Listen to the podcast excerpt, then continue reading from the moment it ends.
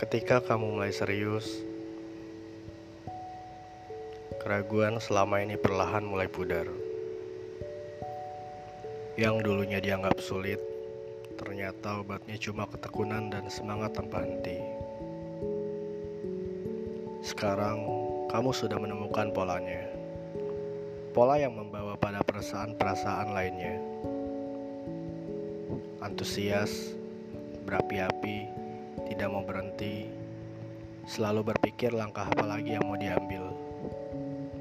Bahkan perasaan menyesal sesekali menghampiri. Menyesal karena terlalu meremehkan kemampuan diri ini. Ternyata memang benar. Di saat progresnya mulai terasa, di situlah kepercayaan diri muncul ke permukaan.